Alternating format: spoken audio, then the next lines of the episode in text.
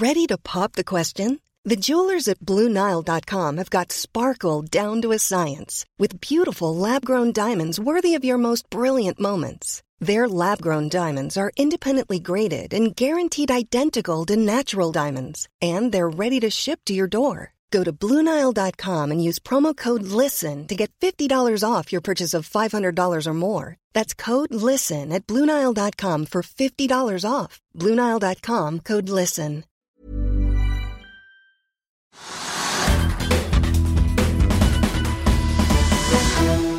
Nå skal vi til Kina, for landets utvikling er i en ny fase, og det foregår en styrt oppbremsing av landets boligmarked. Ja, det skriver min neste gjest i den første av en serie nye analyser hun kommer med fremover. For hva skjer i Kinas økonomi nå, og bør verden frykte en bolig- og vekstbrems? Kelly Chen, analytiker i DNB Markets, eh, velkommen og takk for at eh, du er med oss. Aller først tenkte jeg å spørre deg, Hva er denne nye mm, fasen i Kinas utvikling som du skriver om? Det er ikke lett å egentlig definere den, men vi ser at president Xi har vært ute en, en del nå i det siste og, og, snakket om at Kina nå skal gå nærmere mot common prosperity eh, enn, det, enn, det, Kina har gjort før.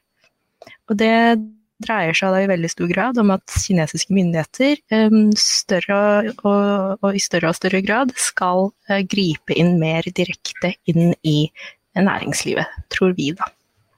Ja, altså rett og slett for å hva skal man si, sørge for mer omfordeling, er det sånn du tolker det, eller?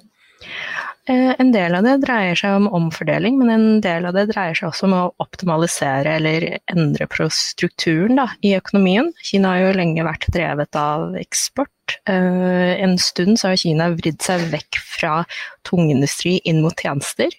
Og det vi ser nå er et, et fokus på at de skal bygge opp da særlig Um, high-end manufacturing. Gå litt etter oss eh, europeere i sømmene. Du, eh, vi så jo i forrige uke på, på, dette børsfallet, vi så mandag, så, så var det jo liksom den store uh, snakkisen var jo Evergrande. Dette mm. kinesiske eiendomsselskapet som er så stort at man nesten ikke kan tro det. Men sånn er det jo gjerne i Kina. Uh, det vi så i hvert fall eh, i markedet, var jo noen utslag på en del sånn råvareeksponerte aksjer. og Det ble jo snakket om at det kanskje var en sånn frykt for at hvis boligmarkedet i Kina bremser opp, så kan etterspørselen etter alt fra tørrlast til aluminium fort uh, dabbe litt av. Uh, hvor reell er den frykten for hva som kan skje med Kinas boligmarked? Jeg tror det er veldig viktig å trekke frem at boligmarkedet i Kina har vært eh, kontrollert lenge av myndighetene. Og de har lenge ønsket å eh, få eh, redusert egentlig aktiviteten i, i, boligmarkedet. Og få redusert særlig gjeldsdrevet aktivitet der. Um, og det som har skjedd med Evergrande er jo, eh, slik vi tolker det, da, Eh, en konsekvens egentlig av denne villet politikken. Eh, og sånn sett så er det også litt forskjell mellom eh, det som kanskje har vært fryktet, en kollaps i Evergrande, og det som nå er planlagt, eller det som myndighetene ønsker, og det er en gradvis nedjustering av aktiviteten i, i denne sektoren. Ja, Du skriver jo i rapporten din om at mye av eiendomsmarkedet i Kina er jo drevet av, av spekulanter. Mm. Eh, er det det de på en måte gjør justeringer på nå, da? enten gjennom eh, bank- og finansregulering eller andre grep?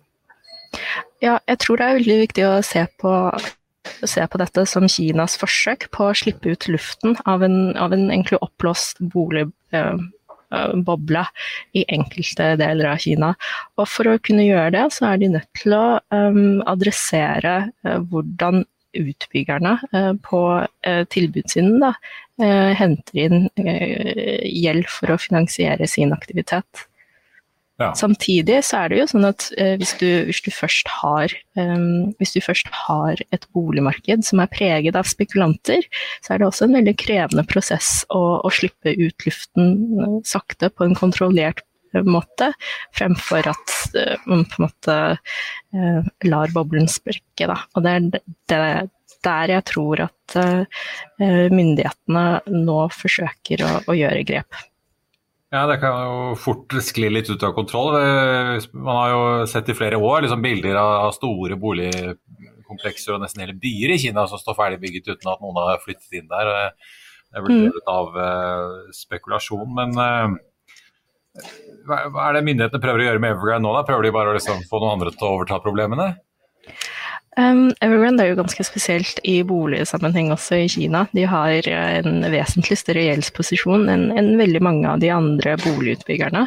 Um, det er mange ting som kan skje. Uh, en, en, en, løsning er jo selvfølgelig at uh, myndighetene stepper inn uh, og sørger for at noen andre, enten statseide eller andre private selskap, overtar da den aktiviteten som Evergrande har igangsatt.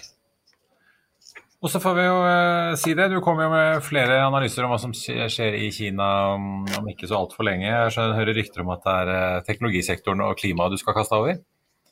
Ja, absolutt. Det er, de, det er de to sektorene som vi ser som eh, Vi har jo allerede hatt eksempler på tech, og, som har påvirket markedet mye i, i Kina. Kelly Chen i DNB Markets, tusen takk skal du ha, og god helg.